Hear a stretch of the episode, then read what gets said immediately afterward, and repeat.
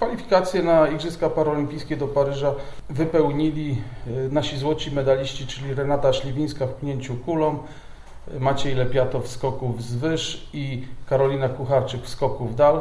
E, Srebrni medaliści Faustyna Kotłowska w rzucie dyskiem i Lech Stotman w pchnięciu kulą. E, Brązowy medalista Łukasz Mamczarz w skoku wzwyż i Bartosz Tyszkowski czwarte miejsce z kwalifikacją paraolimpijską w konkurencji pchnięcia kulą. To jest e, jeden z trzech etapów, który zakończył się Mistrzostwami Świata. E, my jako reprezentacja e, wywalczyliśmy tam 14 medali, ale kwalifikacji było więcej, bo te czwarte miejsca doszły i na dzień dzisiejszy mamy wywalczonych 17 kwalifikacji.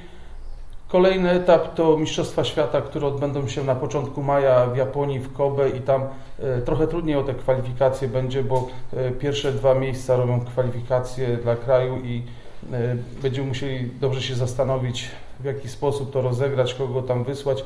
No na pewno ci, co już mają kwalifikacje, to raczej nie pojadą, nie powinni, bo to jest mocno obciążający w tym terminie wyjazd będą się przygotowywali już do docelowej imprezy. A trzecim etapem jest jak zwykle wyliczenie miejsc dla każdego kraju z rankingu według wzoru opracowanego przez World Para Athletics.